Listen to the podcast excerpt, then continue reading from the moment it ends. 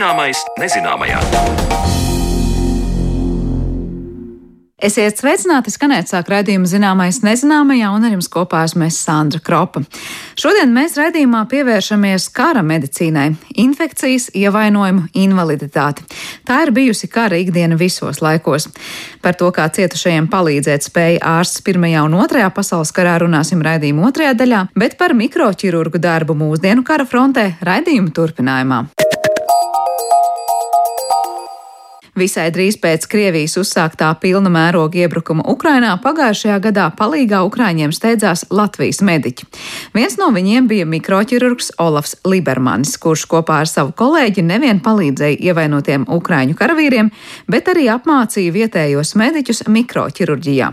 Ko ārstam nozīmē šāda pieredze kara laikā, kādas ir Ukrainā gūtās atziņas un vai tās varētu palīdzēt arī Latvijā, ar Olafu Libermani uz sarunu tikās kolēģi Mariona Baltkalni. Olafs Libermanis un Mārtiņš Malzubris. Šie vārdi Latvijā ir izskanējuši daudzkārt. Neilgi pēc Krievijas pilna mēroga iebrukuma Ukrainā pagājušajā gadā šie abi ārsti, daudz nedomājot, nolēma doties uz Ukrainu, lai palīdzētu operēt un ārstēt karā cietušos. Ir apritējis gads kopš kara sākuma, Karš joprojām turpinās, ārsti ir atgriezušies mājās, un šoreiz uz sarunu tiekamies ar vienu no viņiem - plastisko ķirurgu Olafu Libermani. Sarunājamies par Ukrainā gūto pieredzi, par ārsta gaitām Latvijā pašlaik, bet vispirms jautāju par motivāciju doties uz Ukrainu un pakļaut sevi briesmām brīdī, kad Krievija turpināja bombardēt Ukrainas pilsētas. Stāsta Olafs Libermanis.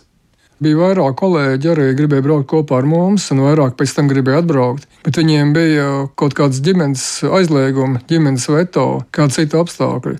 Un mana paudze, arī mana klase, man atbalstīja vecā vidusskolas klase. Es domāju, ka lielākā daļa būtu aizbraukusi. Es nedomāju, ka tas kaut kas īpašs. Es domāju, ka tas ir normāli. Tā mūs audzināja, tā mūs mācīja māma, vecmāmiņa teica, nu, ka vajag iet palīgā. Un tas risks ir nosacīts. Tas risks, es domāju, ka nepārsniedz tādu pludināšanos pa upi vai kāpšanu kalnos. Protams, ka risks ir vienmēr, bet uh, tieši apdraudējumu mums nebija.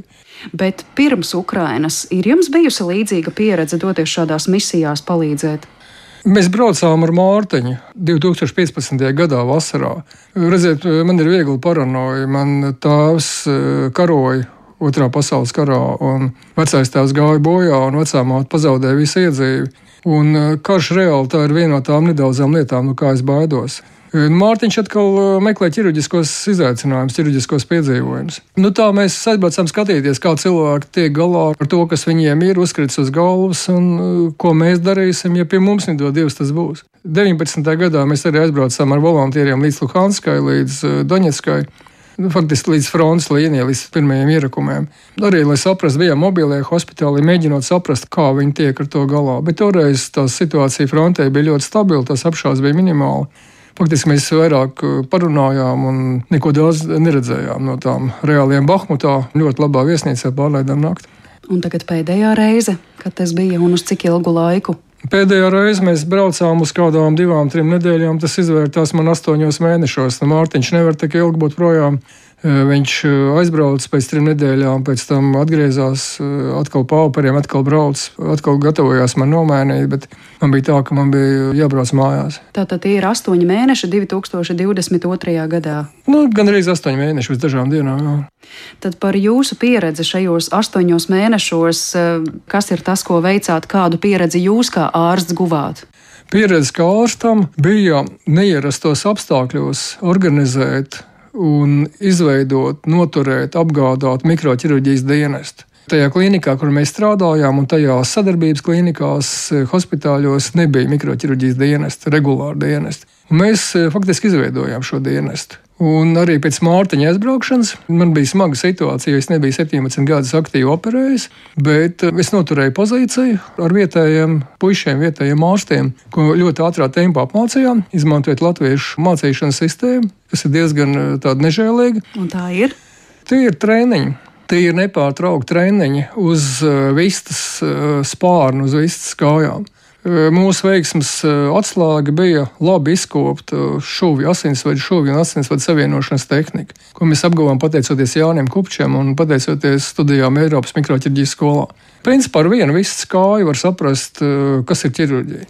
Tad jūs divi pārstāvi no Latvijas jaunu komandu tur izveidojāt, apmācījāt. Cik liela tā nu, bija? Tie bija trīs cilvēki. Faktiski pievienojās vēl tādi asociētie locekļi, kas nebija pastāvīgi. Pastāvīgi tie bija trīs cilvēki. Bet tas iemesls, kāpēc šāda mikroķirurģijas centra viņiem tur nebija, tas bija vienkārši kara darbības dēļ, ka to nespēja tik operatīvi organizēt, vai vispār šādu zināšanu, kādu jums bija, līdz tam Ukraiņiem nebija.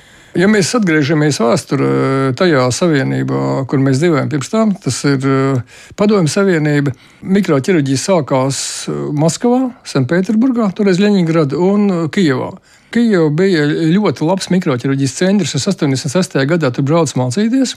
Bet, izmainoties, sabrūkot tai savienībai, izmainījās strauji ekonomiski apstākļi, un valsts pārstāvja maksāt kaut kādu jēdzīgu naudu ārstiem, mediķiem par darbu. Un tādēļ šie mikroķirurgi, būdami labi tehniski sagatavoti, masveidā faktiski viss pārgāja uz kosmētisko ķirurģiju.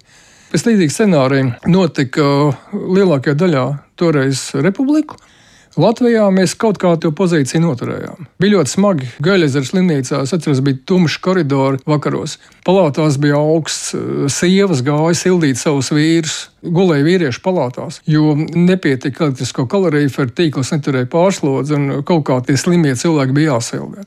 Bet tajos apstākļos mēs izturējām tos smagākos gadus, un faktiski mēs to mikroķirurģiju restartējām. Ja?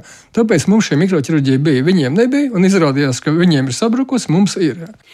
Atrodoties Ukrajinā, pie tam šādos apstākļos, vai tomēr arī jums, kā ļoti pieredzējušiem profesionāliem ārstiem, piezagās tāds brīdis, ka jūs apjūkat, nezināt, ko darīt, kā man to nokārtot? Ziniet, tas bija visu laiku, tie brīži bija visu laiku, jo mēs dzīvojam pastāvīgā trūkumā. Trūka visvienkāršāko lietu, te pašā laikā bija kaut kādi absolūtā topa produkti, ko sūtīja, bet nebija, teiksim, bļodas, spāņu stumjamo ratiņu un tā tālāk. Un mēs vienmēr kaut ko izdomājam. Ukrāņi ātri atrod risinājumus. Viņi, teiksim, izgatavo no injekciju šķirtas un intravenozās sistēmas izveido aktīvās aspirācijas drēnu, kas maksā kaut 15, 20 dolāru vai eiro jums jāpērk tirgu. Viņi izgatavo to nevienas sprites, kas maksā kapeiks. Šis milzīgais kolektīvisms, šis, ziniet, mums bija 250 kg smags mikroskops jādabū pāris lieksnim. Ja. Un iet garām viens uh, ārsts. Es saku, paklau, nu, tu nevarētu, mēs tur trietā pagaidiet, piecas minūtes, es liekas, vēl piecas čaļas atvedīšu. Un tā, tā tas viss notiek. Un tās grūtības bija, grūtības bija pastāvīgi, var teikt, bet mēs arī pastāvīgi tās grūtības pārvarējām. Bet uh, nebija tā, ka mēs mācījām viņus. Viņi arī ļoti daudz ko mācīja mums, un šie šautie ievainojumi, šīs smagās traumas. Tur tiešām bija ko redzēt, tā viņa pieeja. Jo, teiksim, operācijas zālē ar trim galdiem iziet cauri 15, 16 šautie ievainojumi, spridzināti ievainojumi dienā. Mm. Es tieši gribēju jautāt, kā izpaužas tas, ko mēs saucam par kara medicīnu. Nu, tas ir viss, ko. Nu, redziet, tā nebija īstā ja? kara medicīna. Tā kara medicīna, jā, mums veda pacients arī ar žņaugiem, arī no kaujas lauka, bet tas bija pirmās trīs nedēļas. Un uh, tas bija maz, jo tomēr viņus uh, sākotnēji uzņēma tie hospitāļi, tās medicīnas vienības, kas bija tuvāk frontei. Mēs tomēr saņēmām jau tādus atliktus gadījumus, gadījumus ar komplikācijām, gadījumus, kur vajadzēja kaut kādu turpinājumu, kaut kāds nobeigts risinājums. Principā man tas darbs īpaši neatšķīrās no Rīgas darba un neatšķīrās no 80. gadiem un 90. gadiem. Jo 80. gados mēs ar trūcīgiem resursiem uzsākām, un 90. gados mēs ar praktiski bez resursiem noturējām. Un 90. gadu beigās mēs restartējām arī ar ļoti pieticīgiem resursiem. Man tas bija tāds eh, posms eh, darba biogrāfijā. Mm. Tagad, kad esat atgriezies Latvijā, kā jūs jūtat, kā šī pieredze jums palīdz esot šeit, Latvijas medicīnā, varbūt vispār kopumā Latvijas zinātnē? Nu, līdz Latvijas medicīnai mēs neesam tikuši. Es konkrēti, mēs cenšamies iedarbināt mehānismu, lai Ukrāņu pacienti nonāk agrīni Latvijā lai pēc ievainojuma nonāk nu, 3, 5, vēlākais 7 dienu laikā. Tie pacienti, kas nonāk, tie, kas ir mūsu redzeslokā, tie ir par vēlu. Man aizvakar Mārtiņš atsūtīja rengens pacientiem, ko mēs operējām augustā. Tā bija ļoti smaga trauma, krūšu kuru bojājumi, vēdera bojājumi, sadragāta labā roka, kāju bojājumi, pēc tam covid pneimonija. Kolēģi ielika milzīgu darbu. Mēs ielikām milzīgu darbu, un pacients pēc eh, septembra nonāca tagad tikai Latvijā. Un uh, tikai tagad viņam tiek veikta nākamā etapa, ko vajadzēja izdarīt jau teiksim, kaut kādā oktobra sākumā. Protams, ka tur ir neatgriezenisks pārmaiņas. Un redzot to, redzot šos cilvēkus, kuriem varēja palīdzēt, tas viss darbotos dinamiski kad pacients dabūna ievainojumu. Ir runa par militāru personām, ar ko bija vairāk iznācis strādāt. E, tajā brīdī jau tiem ārstiem, kas sniedz palīdzību, jāsaprot, ka te būs tālāk etapveida rekonstrukcija. Viņš jāstabilizē, un tālāk viņš jātransportē pie šiem specialistiem. Un šiem specialistiem jāoperē slimības nosacītos termiņos. Tas tad, kad vajag. Mēs šo filozofiju centāmies izstāstīt vairākās valsts iestādēs. Mēs neko vairāk neguvām kā tādas uzmundrinošas sitienas uz pleca un stāstīšanu, cik mēs esam lielu darbu ieguldījuši un kur es pielietoju sev potenciāli. Tas ir, es turpinu izstrādāt mikroķirurģijas tehnikas, izstrādāt to operēšanas sistēmu, ko mēs saucam par hopā, hopā stilu. Tas ir ātri dinamiska ķirurģija, ko es noskatījos no Kristapa Kegija, Vietnams kara veterāna. Amerikā. Nekas tas neatliek attīstīt eh, kontakts ar eh, citām valstīm, kur eh, ir nepieciešami mikroķirurģijas dienesti. Olafa Libermaņa paustajā ir jūtams sarūktinājums. Intervijas laikā ārsts atsauc atmiņā arī situāciju 2014. gadā, kad ar Libermaņa vadīto brūču klīniku, kas strādāja Linezara slimnīcas telpās un nodarbojās ar smagu izgulējumu pacientu ārstēšanu, tika pārtraukts darbs. Lēmums bijis, ka šādu atsevišķu ārstu komandu izgulējumu pacientu ārstēšanai nevajag. Bet pēc šīs sāpīgās pieredzes ārsts saglabājis inventāru, turpinājis mācīties, lai reaģētu brīdī, kad tas būs nepieciešams un tas kļuva nepieciešams sākoties karam Ukrainā, tāpēc došanās uz turieni bijusi dabiska reakcija. Taču zināma vilšanās ir arī šobrīd, vilšanās, ka nespējam Ukraiņiem palīdzēt vēl vairāk. Ukrainā mediķi bez atpūtas strādā kara apstākļos gadu, cilvēkiem ir pārslodze, Latvijā sabiedrība, tostarp uzņēmēji, vēlas palīdzēt, tomēr sarežģījumus rada birokrātiskie saskaņošanas procesi. Par to turpina Olafs Libermanis. Redziet, tās ir lielas operācijas. Kaut arī šīs operācijas tiek apmaksātas. Šīs operācijas patērē milzīgi resursus aizņem gultas, aizņem laiku. Un rentablāk ir laist cauri daudz mazu apjomu operāciju. Tas ir rentablāk. Ar to var labāk nopelnīt. Mm. Tas mazāk noslogo personālu. Protams, ir jārunā. Protams, mēs eh, uzaicinājām arī uz Rīgu, ja varēs atbraukt uh, hospitāļu vadīja militārās ķirurģijas ziedas. Protams, mēs runāsim par šo jautājumu. Ja mēs runāsim Rīgā, savā teritorijā, tad, kad nav pārslodzes, stress, nu, drusku relaksētāks apstākļos, parādīsim tās mūsu iestrādes. Ja? Bet tie būs viņa lēmumi. Kas attiecas uz mūsu lēmumiem, tad ir tiešām žēl, ka, piemēram, Austrums slimnīca, kur ir neizmantotas zāles, nevar atrast desmit ķirurģiskās gultas, iedot operāciju zāli, tukšu zāli, mēs viņu pieliksim pilnu ar aprīkojumu mums uzņēmēji iedos naudu. Protams, ka palaist šādu projektu, tas ir pirmos mēnešus, nevis eh, piesaistīties no oficiāla krāsla, bet tas ir diezgan reti redzēt savu ģimeni. Protams, visiem. Mm. Un tikmēr šie trīs jūsu apmācītie cilvēki turpina darīt, ko var. Vismaz tik tālu viss notiek un turpinās. Andrija fanātiski trenējās. Ivans ir uh, ļoti spējīgs, un uh, viņš strādā asins vai ķirurģijā, jebkurā gadījumā. Jakovs uh, arī trenējās. Nu, cilvēki turpina, mēs sazvanāmies, parunājam par metodiku, nu, satiekamies kādreiz. Un, jā, šī pieredze parādīja man, un es domāju, vēl dažiem, ka 61 gadu vecumā var ierasties svešā vietā, kur tu nezini īsti valodu, izkrāmēt no mikroautobusa mikroskopu un iekārtas, kurām beidzies derīguma termiņš pirms apmēram desmit gadiem, nolietot inventāru un palaist uh, mikroķirurģiju par ko tagad mums ir uh, vienošanās žurnāla Injury. Tas ir viens no prestižākajiem žurnāliem pasaulē, speciāliem žurnāliem. Mums līdz 1. maijam jānodod raksts par savu pieredzi ka to var izdarīt. Un es nevadu Latvijas medicīnu, bet eh, man ir globus, un man ir šī spēja izkrāmēt no mikroautobusa. Un man ir tas mikroautobus, un man ir tas mikroskops. Tā kā es skatos eh, plašāk. Principā eh, doties var vienas dienas laikā, izkrāmēt var dažu stundu laikā, un lielā hospitālā ir administratīva lēmuma. Ukrainā bija lēmums, ka vajag. Un tur ir armijas sistēma. Armijas sistēma netika pieļauta viedokļa dažādība. Tur tika dot pavēle, ka vajag mikroķirurģiju. Un rītā ir pacients. Un, uh, tad mēs uh, pāris stundu laikā sagatavojām personālu, kas rītā būs operācijā. Bet uh, izvilku principā sekojošas lietas. To visu izvilku Mārtiņa. Galvenais tas bija Mārtiņa nopelns. Mārtiņa ļoti labais operēšanas stils, aktīvais, veiksmīgais, izkoptais. Ja. Izkopti instrumenti un šī latviešu pieeja mikroķirurģijai, latviešu pieeja sīku asinsvedu šuvēm. Jā, un, protams, ka sabiedrības atbalsts, jo mums tie resursi pietika nu, nedēļai vai varbūt augstākais. Mm. Cilvēki mums sāk vienkārši dot naudu, ka mēs jau pārstājām ņemt. Mēs teicām, ziniet, mums pietiek, mēs nevaram tik daudz izstrādāt, mums nav kur likt. Mm. Ja atkal nepieciešamība rastos, jūs būtu gatavs atkal doties kaut kur? Tādā Ukraiņas variantā es droši vien divreiz padomātu, bet principā jā, cilvēkiem jāpalīdz. Paldies! Paldies, Paldies par jums. to, ko jūs izdarījāt, to, ko jūs iedavāt Ukraiņiem, ko Ukraiņi iedavā jums, un lai tas turpinās arī Latvijā, un lai tas tiek novērtēts. Paldies! Jā, paldies jums!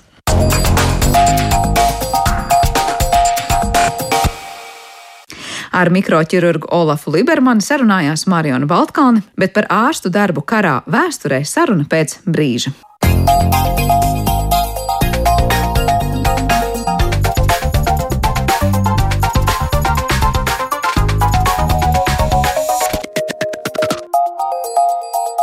Zināmais nezināmajā. Pirms gada šajā nedēļā vēl aktīvi plosījās Covid pandēmija, turpinot noslogot slimnīcas un ārstu ikdienu, tad pēkšņi sākās arī karš Ukrainā, ievainojumi, traumas, invaliditāte, infekcijas, diemžēl arī nāve ir ikdiena kara zonā. Ātri vien tā kļuva par arī ikdienu Ukrainā. Pirms brīža raidījumā mēs dzirdējām mikroķirurgu pieredzi mūsdienu kara apstākļos, taču cik spējīgi atvieglot pacientu ciešanas un uzlabot viņu stāvokli bija ārsti ierakumos pirms simts un vairāk gadiem. Par to sarunu esam aicinājuši aicinājuši eh, kara muzeja ekspozīciju un izstāžu nodaļas vēsturnieku Marjus Zeļecku. Labdien! Labdien! Kā arī Pauls Stradiņa medicīnas vēstures muzeja pētniecības nodaļas galveno pētnieku Mārtiņu Vesperu. Labdien! Labdien! Jā, nu tēma tāda, kurā tiešām vēsture un medicīnas vēstures iet roku rokā, bet sākšu ar kara muzeja pusi šajā reizē, jo es saprotu, ka ir eh, pirms kāda laiciņa, nu jau durvis vērus, var teikt, izstāde kara muzejā, kas veltīta medicīnai tieši kara laikā. Marijus, es lūkšu pastāstīt, par kuru laiku, par kuru kāru un par kādu medicīnu tajā izstādē ir stāsts. Nu, jā, sāksim varbūt ar pašu svarīgāko. Tad uh, no 18. janvāra jau ir pieejama izstāde Latvijas kara muzejā. Izstādes nosaukums ir Kara anatomija, cilvēka dzīvības vērtība. Un izstāde būs skatāma pusgadu, sešus mēnešus. Tas tā uh, fakti mazliet. Un uh, par kuru laiku ir izstāde, nu, viņa nav būvēta chron pēc chronoloģiskā principa, viņa ir būvēta pēc tematiskā principa. Uh, un viņi aptver uh, laikus, uh, uz, uz ko mums ir attiecināms muzejiskais materiāls. Respektīvi, tas ir no Pirmā pasaules kara līdz, teiksim tā, nu, līdz mūsdienām. Ukraiņas karš arī jau ir, pa, nu, var teikt, paguvis ielikt tādā jā, izstāžu. Jā, ir paguvis ielikt, pateicoties uh, Latvijas mikroķirurgam Olafam Libermanim, kuru mēs nointervējām speciāli izstādes mm, nolūkiem. Nu, Un izstādē ir integrēta viņa intervija, kas ļoti labi, manuprāt, noslēdz šo loku un savieno šos senos laikus ar mūsdienām, parādot, cik no vienas puses būtība nav mainījusies, no otras puses ir mainījusies šī efektivitāte un kaut kāds nozares attīstības. Bet tā būtība un tie principi ir palikuši nemainīgi. Par tiem principiem un to, kas ir mainījies, droši vien arī šīs raidījuma pusstundas laikā mēs vēl parunāsim, bet es vēl gribēju vēl precizēt, nu, tas skatāmais vai klausāmais materiāls, kas ir ekspozīcijā, tad ir uz interviju arī bāzes veidota tā, tāpat ekspozīcija. Tur ir proti priekšmeti, kas ir aplikojumi, video materiāli vai kāda ir tā izstāde? Izstāde tematiski sadalīta trijās grupās. Mēs gribējām uh, parādīt šos lielākos izaicinājumus, kas vēsturiski ir uh, kara mediķiem militāro konfliktu laikā. Uh, pirmkārt, tas, tas ir ievainojums, otrkārt, tā ir infekcija, un treškārt, tā ir invaliditāte. Un tāpēc mēs būvējam šo izstādi no šiem trim tematiskiem blokiem, un katru tematisko bloku papildināja priekšmeti gan no mūsu krājuma, gan no kolēģa krājuma no medicīnas vēstures muzeja, ko viņi mums deponē, aizpildot kaut kādus tematiskos ropus, kas mums pašiem trūk, jo tomēr tas ir tā ir starpnozaru izstāde. Un, nu, medicīnas vēsture bez tādas kara vēstures, Jā, kara jā. medicīnas vēstures arī droši vien nav iedomājama. Uh, Mārtiņ, kas ir tie priekšmeti, kas šobrīd ir aizceļojuši no viena muzeja uz otru? Nu, te man jāsaka tā, laikam es nevarēšu objektīvi atbildēt, jo es pārstāvu nodaļu, kur uh, nenodarbojas ar deponācijām, bet uh, es saprotu, tur ir aizgājuši tātad protēzes dažādas, gan rokas, gan uh, dažādas kāju protēzes, tāpat arī foto, fotografiju materiāls no Latvijas sarkanā krusta ortopēdijas darbnīcas, kur šīs lielākā daļa šo protēžu ir izgatavots. Uh, dažādi ķirurģiskie instrumenti un dažāds cits medicīniskais pa palīga materiāls, kas ir tieši saistīts ar, kas saka, ka, kara medicīnu. Uh, jā, Es varu papildināšu mazliet, jo ir daži priekšmeti, kas ļoti efektīvi izstādē izskatās. Tie ir invalīdu rati, un unikālākais ir tas, ka viņi ir paštaisīti. Tie ir pagājušā gadsimta, laikam, 50. un 60. gadi. Un, nu, viņi ir tāds liels eksponāts izstādes centrā, būvēti no velosipēda detaļām un pielāgoti invalīdu vajadzībām. Tas ir viens.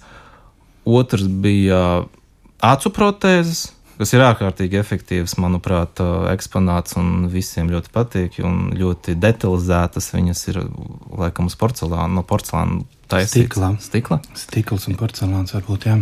Jā, un tur ir pat uh, šīs acu vēnes ir iezīmētas. Nu, viņas ir ļoti tādas Krāsains, krās- ar, ar, acu zīlītēm, un uh, faktiski viņas tiek piemeklētas katram uh, šim te kara invalīdam, uh, lai attiecīgi būtu vienāds ar viņa acu zīlītēm.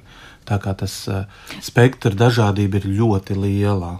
un tās attiec arī uz uh, Otro pasaules karu. Uh, principā viņas ir, uh, nu vispār jau acu protēzes ir jau atrastas senajā Irānā, pat ziloņkaulu. Bet, uh, bet tā, to, ko mēs saprotam, tas faktiski ir 20. gadsimts.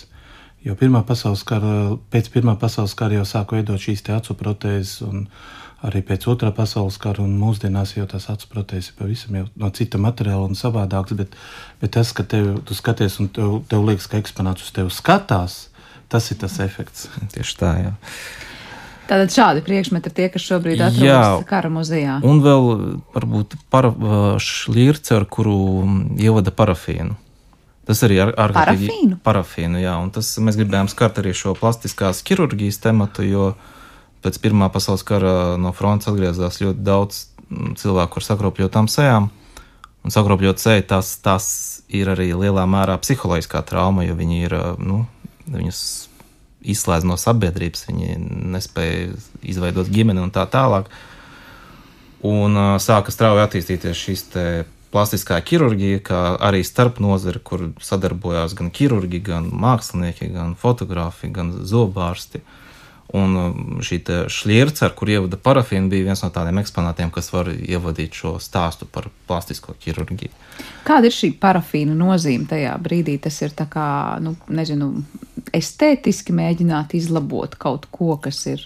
Vai, vai... Nu, es pateikt, to nevarēšu. Nē, esmu speciālists, bet varu tikai teikt, ka pēc Pirmā pasaules kara ļoti attīstās eh, tā saucamā masku gatavošana, kad tiek veidotas speciālas sejas maskas, vai tas ir tikai konkrētai ķermeņa daļai, sejai, tas ir deguns, varbūt, vai pus- pusseja, vai pat visu seju, kur tiek krāsota, pielāgot cilvēku ķermeņa ādas krāsai, jo, lai nosaktu šos smagos um, sakropļojumus, jo tāda plastiskā ķirurģija, kādu mēs šodien saprotam, ka varam pārstādīt veselas ādas gabalus un tā tālāk. Protams, to laiku nebija, un tas bija arī vizuāls.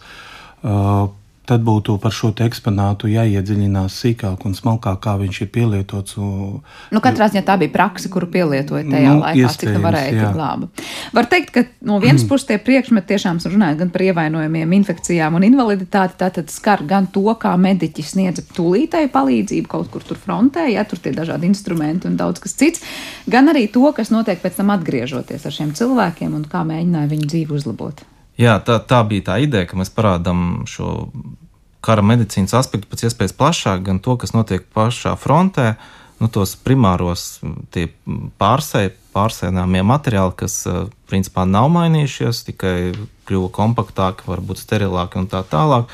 Un arī mēģinot skart arī to, kas notiek pēc kara, jo karš jau tā kā beidzās, bet uh, tie cilvēki, kas atgriežas, viņi jau paliek, un tās traumas paliek. Kas ir pēcaprūpē?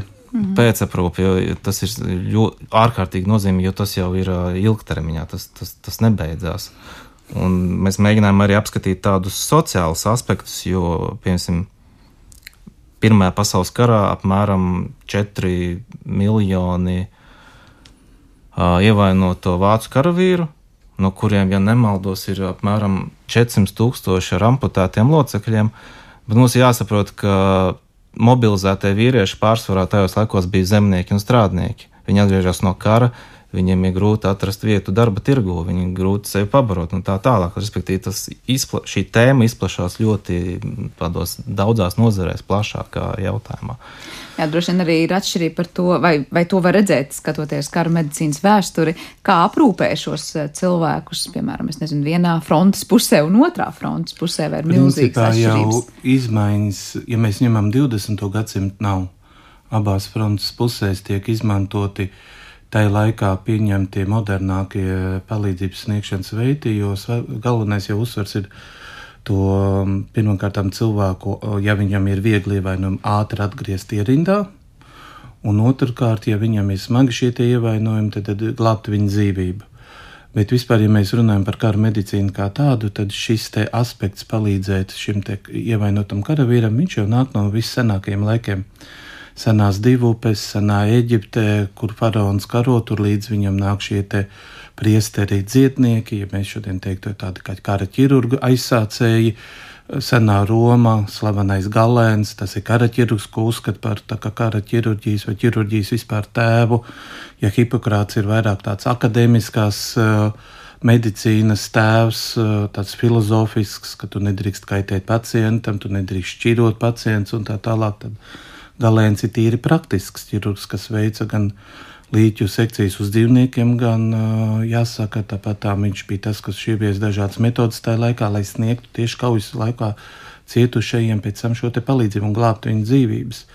Un šis aspekts jau iet visur cauri, tas, ka ilgu laiku ķirurgs vienmēr ir uzskatīts par zemāku tādu kā medicīnas pārstāvju, jo ķirurgi skaitījās kā viens no amatiem, nevis kā akadēmiskie ārsts. Akadēmiski tas nozīmē eh, ar augstāku izglītību jau no viduslaikiem, no 13. gadsimta, kad veidoja šīs universitātes.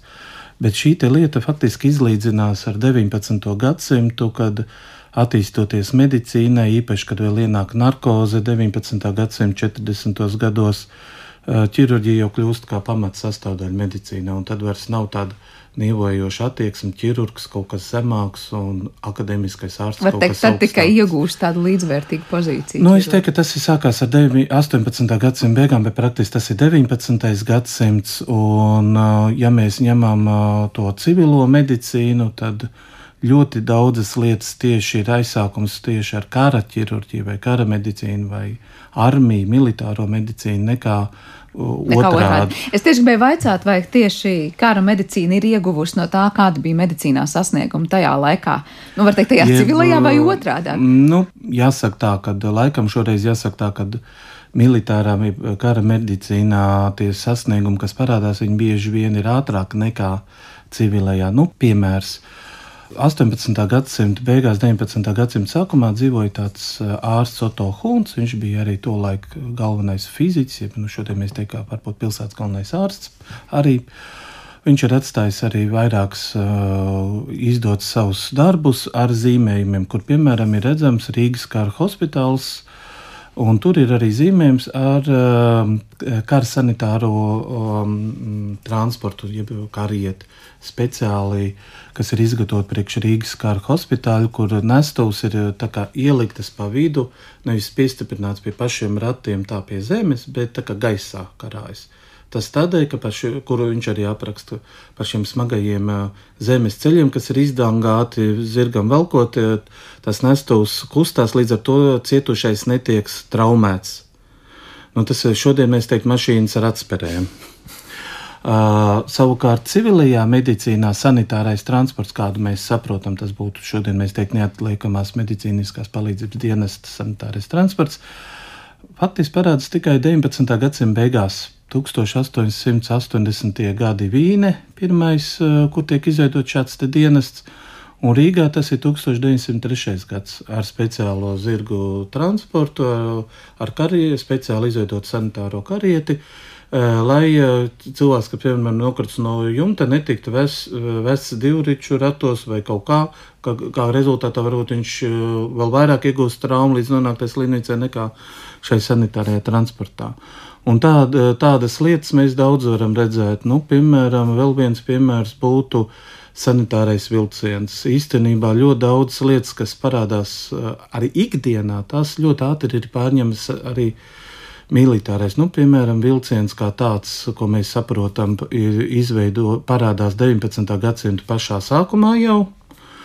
Uh, bet jau, piemēram, uh, Krievijas impērijā, kā atsevišķi izdalīts militārā, nu, kā laikam nodaļa teikt, sanitārais vilciens, parādās 19. gadsimta 70. gadu beigās, kas ir saistīts ar Krievu uh, turku karu. 1878. 79. gadsimtam, kur uh, jau piemēram no Rīgas un no citurienes Krievijas pilsētām dodas šie sanitārie vilcieni. Uh, ar med, noformētu medu personālu, un uh, faktiski mēs varam teikt, ka tas ļoti attīstās. Vēl lielu lomu spēlē uh, arī dažādi apstākļi, kur notiek šīs kardarbības. Nu, piemēram, medicīnas muzejā un arī kara muzejā ir fotografijas, kur ir redzams Krievu-Japāņu karš 1904. un 1905. gads. Manžūrija, tas ir lielās Kazahstānas un uh, stepes, kur uh, skatoties uz fotografijas, ja tu nezini, kas tā pa bildi, tad liktos, ka tas lielais ratu apjoms, kas iet pa to stepi ar sarkanā krusta karogu, uh, Nu, Gan drīz varētu attiecināt pat uz uh, Napoleona armiju. Jo, bet, uh, tad arī saprotu, ka šāds tā saucamais novecojušais uh, palīdzības sniegšana, ka tā ir novecojusi, ka tā ir neefektīva, ka nevar laicīgi sniegt un palīdzēt. Un tas jau nav neatiec tikai uz medicīnu. Medicīna ir tikai tā kā starp nozara, bet uh, te jau ir runa arī par apgādi, lai veiktu veiksmīgu uzbrukumu un tā tālāk. Un, un tā rezultātā tad faktiski tas tiek ņemts vērā, tad, vai, tas arī, notiek, ja? vai arī varbūt netiek ņemts vērā, bet tās kļūdas tiek ātri labotas, kad nāk jauns konflikts. Bet labi, tas attiec vairāk uz to transportēšanu, pārvietošanu, pārvietošanos, kā ir ar to, nu, kādi bija tie medicīnas līdzekļi, kurus izmantoja, vai tie paši instrumenti, kurus izmantoja, vai tur savukārt ir kaut kas tāds, kur mēs varam teikt, tas radās tāpēc, ka bija mm, karadarbība, vai otrādi tas bija jau kaut kādā citā industrijā, es nezinu, kāda viela, kas sev pieteikusi un tad ļoti veiksmīgi tika izmantot vai pārbaudīta eh, kara apstākļos. Godīgi sakot, man, cik tas varbūt neskanētu ciniski, man vispār šķiet, ka daudz kas ir attīstījies tieši globālo karu ietekmē ne tikai medicīnas jomā, bet arī nu, par citām mēs bieži runājam. Ikdienas, es nezinu, lietas, ko mēs izmantojam ikdienā, tur tās pašas slavenās mikroviļņu krāsnes un tā tālāk. Un tieši tāpat ar medicīnas nozari. Nu, es varu papildināt, es pilnīgi piekrītu, kā saka, atņēma vārdus man no mutes. bet, eh, protams, tā, tas ir vispārīgi, bet ja mēs sākam analizēt, tad ļoti daudz instrumenti, Eh, viņu aizsākumi jau meklējami daudz, daudz senāk. Arī tāpat Eģipte ar visām uh, līķu sekcijām, balsamēšanas instrumentiem. Viņi jau tiek pielāgoti pie, un mainās. Uh, Pēc tam ķirurģijā kaut Arī ja? ķirurģijā, nu, piemēram, Romā, senās Romas, senās Grieķijas arheoloģiskos izrakumos tiek atrasti šie ķirurģiskie instrumenti un tā tālāk. Un mēs viņiem varam atrast tā saucamo nu, nosacītu pirmsākumu. Uh, tādu kaut ko īpašu, ko mēs teiktu, kas ir tikai radies ar uh, kara medicīnu. Un kas nav, un pēc tam ieviešās civilajā, es pat tā īsti nosaukt nevaru. Es gribētu teikt, te ir tas, ka uh, tas atklājums, kas tiek atklāts, viņš ļoti ātri tiek pielāgots. Nu, piemēram, tas pats rengens. Ja tā ņemam, tad mobilais rengens, mobil, tas ir pārvietojamais mm -hmm. rengena aparāts, īstenībā tas būtu tas, kas ir tieši ar Pirmā pasaules karu. Un tas ir ar uh, Madame Kiriju. Mariju Kiriju saistīts. Viņa izveido Francijā šos mobīlos pārvietojamos rentgena transportus, kur var veikt rentgena uzņēmumus uz vietas.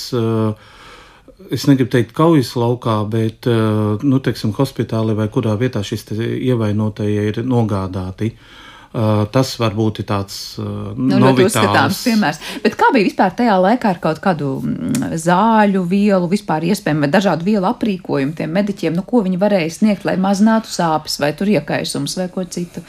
Nē, nu.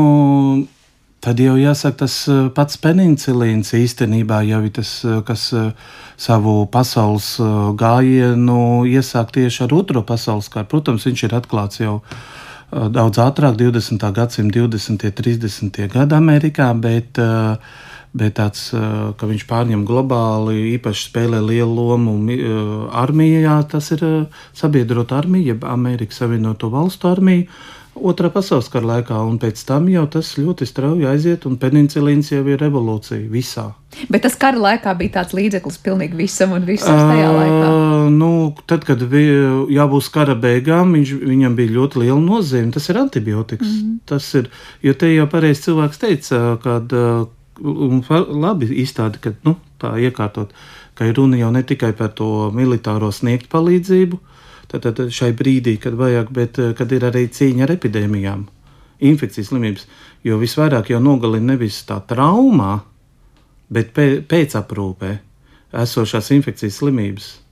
Ir atšķirība mediķiem, nu, skatoties no medicīnas vēstures, tagad perspektīvas, kā ir cīnīties ar šīm pašām infekcijām. Nu, tad, kad tas ir kara apstākļos, un tad, kad tie ir pēckara jau apstākļi, un tās infekcijas jau vienalga ir nu, tādas, ar kurām ir kārtīgi jācīnās. Nu, tā jau īstenībā ir atsevišķa tēma. Tas pat tāpat īstenībā arī ortopēdija tā ir atsevišķa tēma. Jūs kolēģis te baigi aizrunājās, bet uh, Man te ir tāda pētījuma par to sarkanā krusta ortopēdijas darbnīcu, kas bija monopols pirms kara laika Latvijā, un tā ir jau pavisam cita lieta, kāpēc viņi attīstās un kā viņi izaug. Un arī kā Eiropā tas mainās. Uh, bet atbildot uz to jūsu, protams, uh, kad uh, te cīņa ar infekcijas slimībām, nu, tas pagrieziena punkts tāds lielā mērā tiešām ir Pirmais pasaules kara rezultāts. Jo, ja mēs ņemam tīri tikai Latvijas apstākļus, jāatcerās viena lieta. Caur Latviju iziet frontes līnija. Kardarbība notiek no 15. gada līdz pat, nu, man gribās teikt, gandrīz līdz 20. gadam. Ar visam šīm neatkarības kā ieskaitot. Uh, citur vairāk, cit, bet, nu, bet tas ne jau cieši tikai tā tā līnija, gar Daugau tā rupi sakot, bet cieši jau arī civilie, kas atrodas abās pusēs, jo viņi mazāk saņem šo aprūpi, viņiem mazāk ir pieejami šie medikamenti, jo viss tiek ražots kara apstākļiem, skatoties sociālos tīklus un uh, presi, Delfi vai TVNets vai vēl kaut ko ļoti labi redzēt, kā Ukrainā īstenībā tā, tā, tā ir liela problēma, kad ir šī sniegta militārā, kas saka, palīdzība. Un te pašā laikā ļoti daudz arī organizācijas runā par to, ka nedrīkstam aizmirst arī civilos. Vai tie ir tie, kas ir palikuši Ukrajinā savās mājās, vai tie ir pārvietotie civilie, jo tas ir saistīts arī kaut vai tās pašas infekcijas slimības, tās ir potēšana, potes pret poliomielītu, bērnu trieku, nu, kas ir tāpat visām šarlakām un, un visu difteriju tā jāsaka šodien. Un uh, tuberkulozi un tā tālāk, ja mēs to piemirsīsim, viņas momentāli, kā varētu teikt, kā tāda nāves ziedi uzsprāgs atzims. Jā. Manis un būs kas piebilstams par šiem dažādiem kariem un to, cik ļoti civilie un necivilie iedzīvotāji bija vai nebija aizmirsti kādos laikos. Nu, es atceros, kad mēs taisījām šo izstādi un intervējām reiz eh, Olafu Libermani.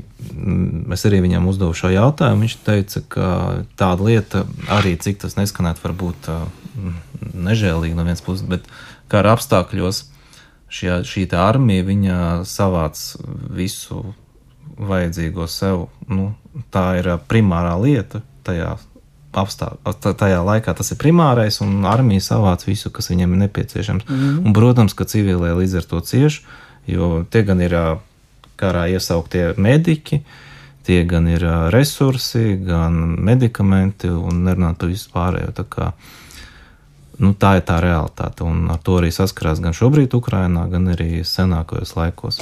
Runājot par to, ar ko saskaras un saskārās dažādos laikos cilvēki, kas šajās nu, tiešām frontes līnijās saskārās gan ar palīdzības sniegšanu, gan saņemšanu. Nu, klausoties kaut vai tajā un ziņās, kas šobrīd notiek um, Ukraiņas kara gadījumā, mēs dzirdam par mikroķirurģiem, kas dodas uz šīm vietām. Un liekas, nu, tā palīdzības sniegšana droši vien jau ir ļoti augstā līmenī, ja, piemēram, kara laikā, kara vietā var darboties mikroķirurgi. Kaut kas tāds droši vien ir grūti iedomājams citos karos, ja mēs padomājam. Vai nepiekritīsiet, piekritīsiet, un kā ir mainījies tas, kāda Jā. ir tā kara medicīna šobrīd? Nu, runājot tieši par eh, šiem mikroķirurgiem, kas darbojas Ukrajinā, tad, cik es zinu, viņi darbojas. Nu, nav tā, kā mēs varbūt iztēlojamies no stāsta, ka viņi tur mežā kaut kādā ierakumos vai ne? Darbojās. Viņiem ir uh, hospitāls Kijavā, kur ir. Uh, nu, kur ir elektrība, siltums un gaisma un tā tālāk. Un no, līdz viņiem nonāk tas ievainotais no frontes līnijas. Un tas, kā jau kolēģis minēja, tas ir šis bīstamais posms, šī loģistika, kamēr viņus ved ar ievainojumiem, sadragātām um, locekļiem un tā tālāk. Viņus redz, ved no frontes līnijas līdz tam hospitālim. Tas ir tā, ir tā bīstamā vieta, kur uh, viņš var saķert visādas infekcijas, un uh, šis ievainojums var kļūt daudz bīstamāks nekā uh, Bet jā, mikroķirurģi strādā negluži ierakumos. Jā, ne, tā jā, nozīmē arī tās iespējas, ko šis gadsimts sniedz, ir pilnīgi citas nekā otrā. Es laikam varētu teikt, ka īstenībā ir ļoti laba publikācija kara muzeja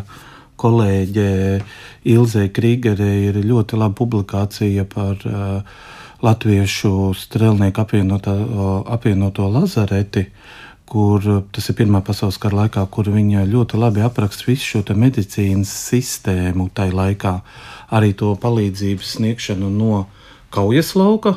Kurš tad palīdz, eh, kā, kā, kā tiek šķirot šie tie, kā viņi tiek pārvietoti un kā notiek šī palīdzības sniegšana jau tieši tā, kā varētu teikt, ķirurģiskajās lazaretēs vai hospitālēs, tas ir, kur jau teicu, šīs te operācijas, un tad ir tā saucamās atpūtas lazarets vai hospitālē, kur notiek šī atgūšanās. Uh, Un tas ir arī ļoti, tas ir arī izlasāms viņas publikācijā Latvijas kara muzeja gada grāmatas sestajā izdevumā. Uh, un, uh, tur mēs ļoti labi šo uh, lietu varam pamanīt, bet ir viena arī tā atšķirība, ko arī Krīgers kundze raksta. Ir jāatcerās lieta, ka šodien mēs uh, medicīnā cilvēki apgūst, uh, kas saka, ļoti ātri jau aiziet uz nozarēm, apgūst savus šīs specifikas līdz es nemāku pateikt, kurā brīdī tas beidzas, bet teiksim, līdz 20. gadsimta 40. un 50. gadiem medicīnā ārsts apguva vispārēju izglītību. Uh, specializācija kā tāda, ko mēs saprotam, uh, faktiski Latvijā tiek ieviesta ar, ja nemaldos, ar 1930. un 32. gadu, kad jau ārsts sāk specializēties, bet tas nemaina šo izglītības momentu. Viņi vienalga apgūst visas specializācijas. Nu, proti, viņš varēja būt ārsts gan zobārsts, gan ķirurgs. Nē, nu, zobārsts īsti nē, bet uh, tā pašā laikā 19. gadsimtā bija un pat 20. gadsimta sākumā ārsts varēja būt arī zobārsts. Tā ir taisnība. Uh, bet piemēri, kā, kā uh, par šo augsto līmeni, jāsaka godīgi, priekš tiem laikiem, uh, ir ļoti daudz un dažādi. Nu, piemēram, bija tāds ārsts Kārlis Barons, Krišāņa Barona dēls.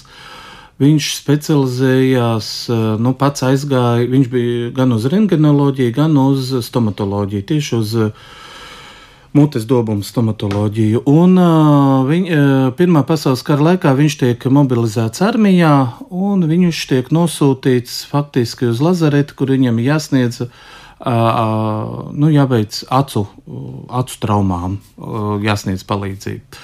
Un te pašā laikā otrs kolēģis, Gustavs Reinhards, kurš atkal, kuram pat Rīgā pieder klīnika, acu slimību klīnika, tiek nosūtīts vienkārši par ķirurgu.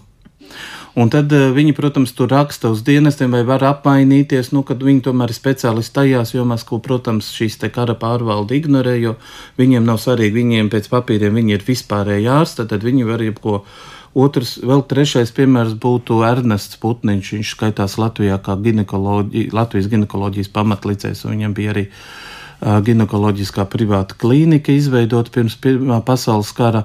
Un, uh, viņš arī kā parasts ķirurgs uh, nonāk. Un, uh, par otro pasaules kara nu, piemērs varētu būt, man vēl bija tā laime satikt pāri šos te Latvijas universitātes uh, beigušos uh, ārstus, jau cienījamā vecumā, kad viņi paši, piemēram, stāstīja par to, kad um, Vīlis Krasts, profesors vēlākais, uh, minēja, kad uh, viņš beidz universitāti, viņš uh, tiek iesaukts uh, armijā, nu, Vācu armijā, un viņš kļūst par karķirurgu.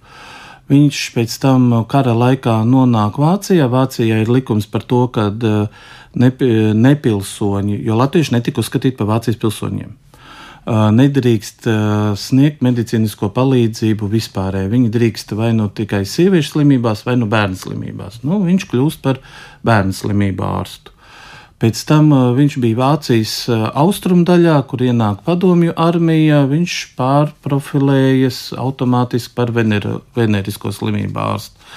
Atgriežoties Latvijā pēc otrā pasaules kara, viņš kļūst, sāk strādāt uroloģijā un tā tālāk. Nu, tad viņš jau ir šāds, te, kā jūs minējat, plaša mēroga, kur viegli, nu, neteiksim viegli, bet kur viņš var pāriet dažādās jomās. Un šādi piemēri ir bieži. Bet ir kāds laiks, kad mediķi vispār sāk specializēties nu, tieši militārajā medicīnā vai kara medicīnā? Tā jau sen notiek. Krievijas impērija var teikt, ka tas jau ir no 18. gadsimta beigām, kad tiek izveidota Pēterburgas kara medicīnas akadēmija, kur tiek sagatavot šie ārsti, kurus starp citu ļoti daudz ir arī Latvijas prominenti mediķi, tas pats Pauls Stradiņš ir beidzis, jo tā bija valsts izglītība. Tad tev nebija jāmaksā par to, kas ir būtiski daudziem arī latviešiem, kuri izcēlušies no zemniekiem vai amatniekiem. Uh, un uh, tā tika uzskatīta par vienu no prestižākajām un uh, uh, nu, kvalitāte uh, augstvērtīgākajām uh, mācību iestādēm. Es, es teiktu, pat Eiropā to laiku. Ne tikai tā pati Krievija, nu, Krievijas impērija kā tāda, jo tur, bija, tur strādāja arī Ivans Paulovs, tas, kas taisa eksperimentus uz sunīšiem, tie saucamie Paulovs sunīši.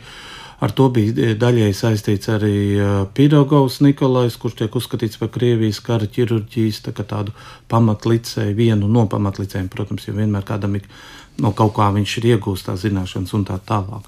Un tā joprojām. Kā tā bija tāda ļoti ievērojama mācība iestāde, kas sagatavoja ārstus pēc tam. Viņi sagatavoja militāru ārstus. Tas nozīmē, viņš, protams, pēc tam varēja arī strādāt civilajā kā daudzi, bet viņi bija savs laiks jānokalpo, kā saka, valstī.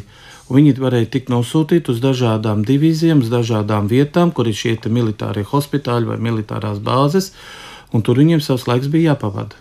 Jā, un par to, kā viņiem dažādos laikos ir gājis, mums stāsta arī dažādas izstādes. Marijas Stūks atkārto, tad vēl vairākus mēnešus ir skatām kara muzejā, īpaši kara medicīnai veltīta ekspozīcija. Vēl, vēl piecus mēnešus līdz vasaras beigām.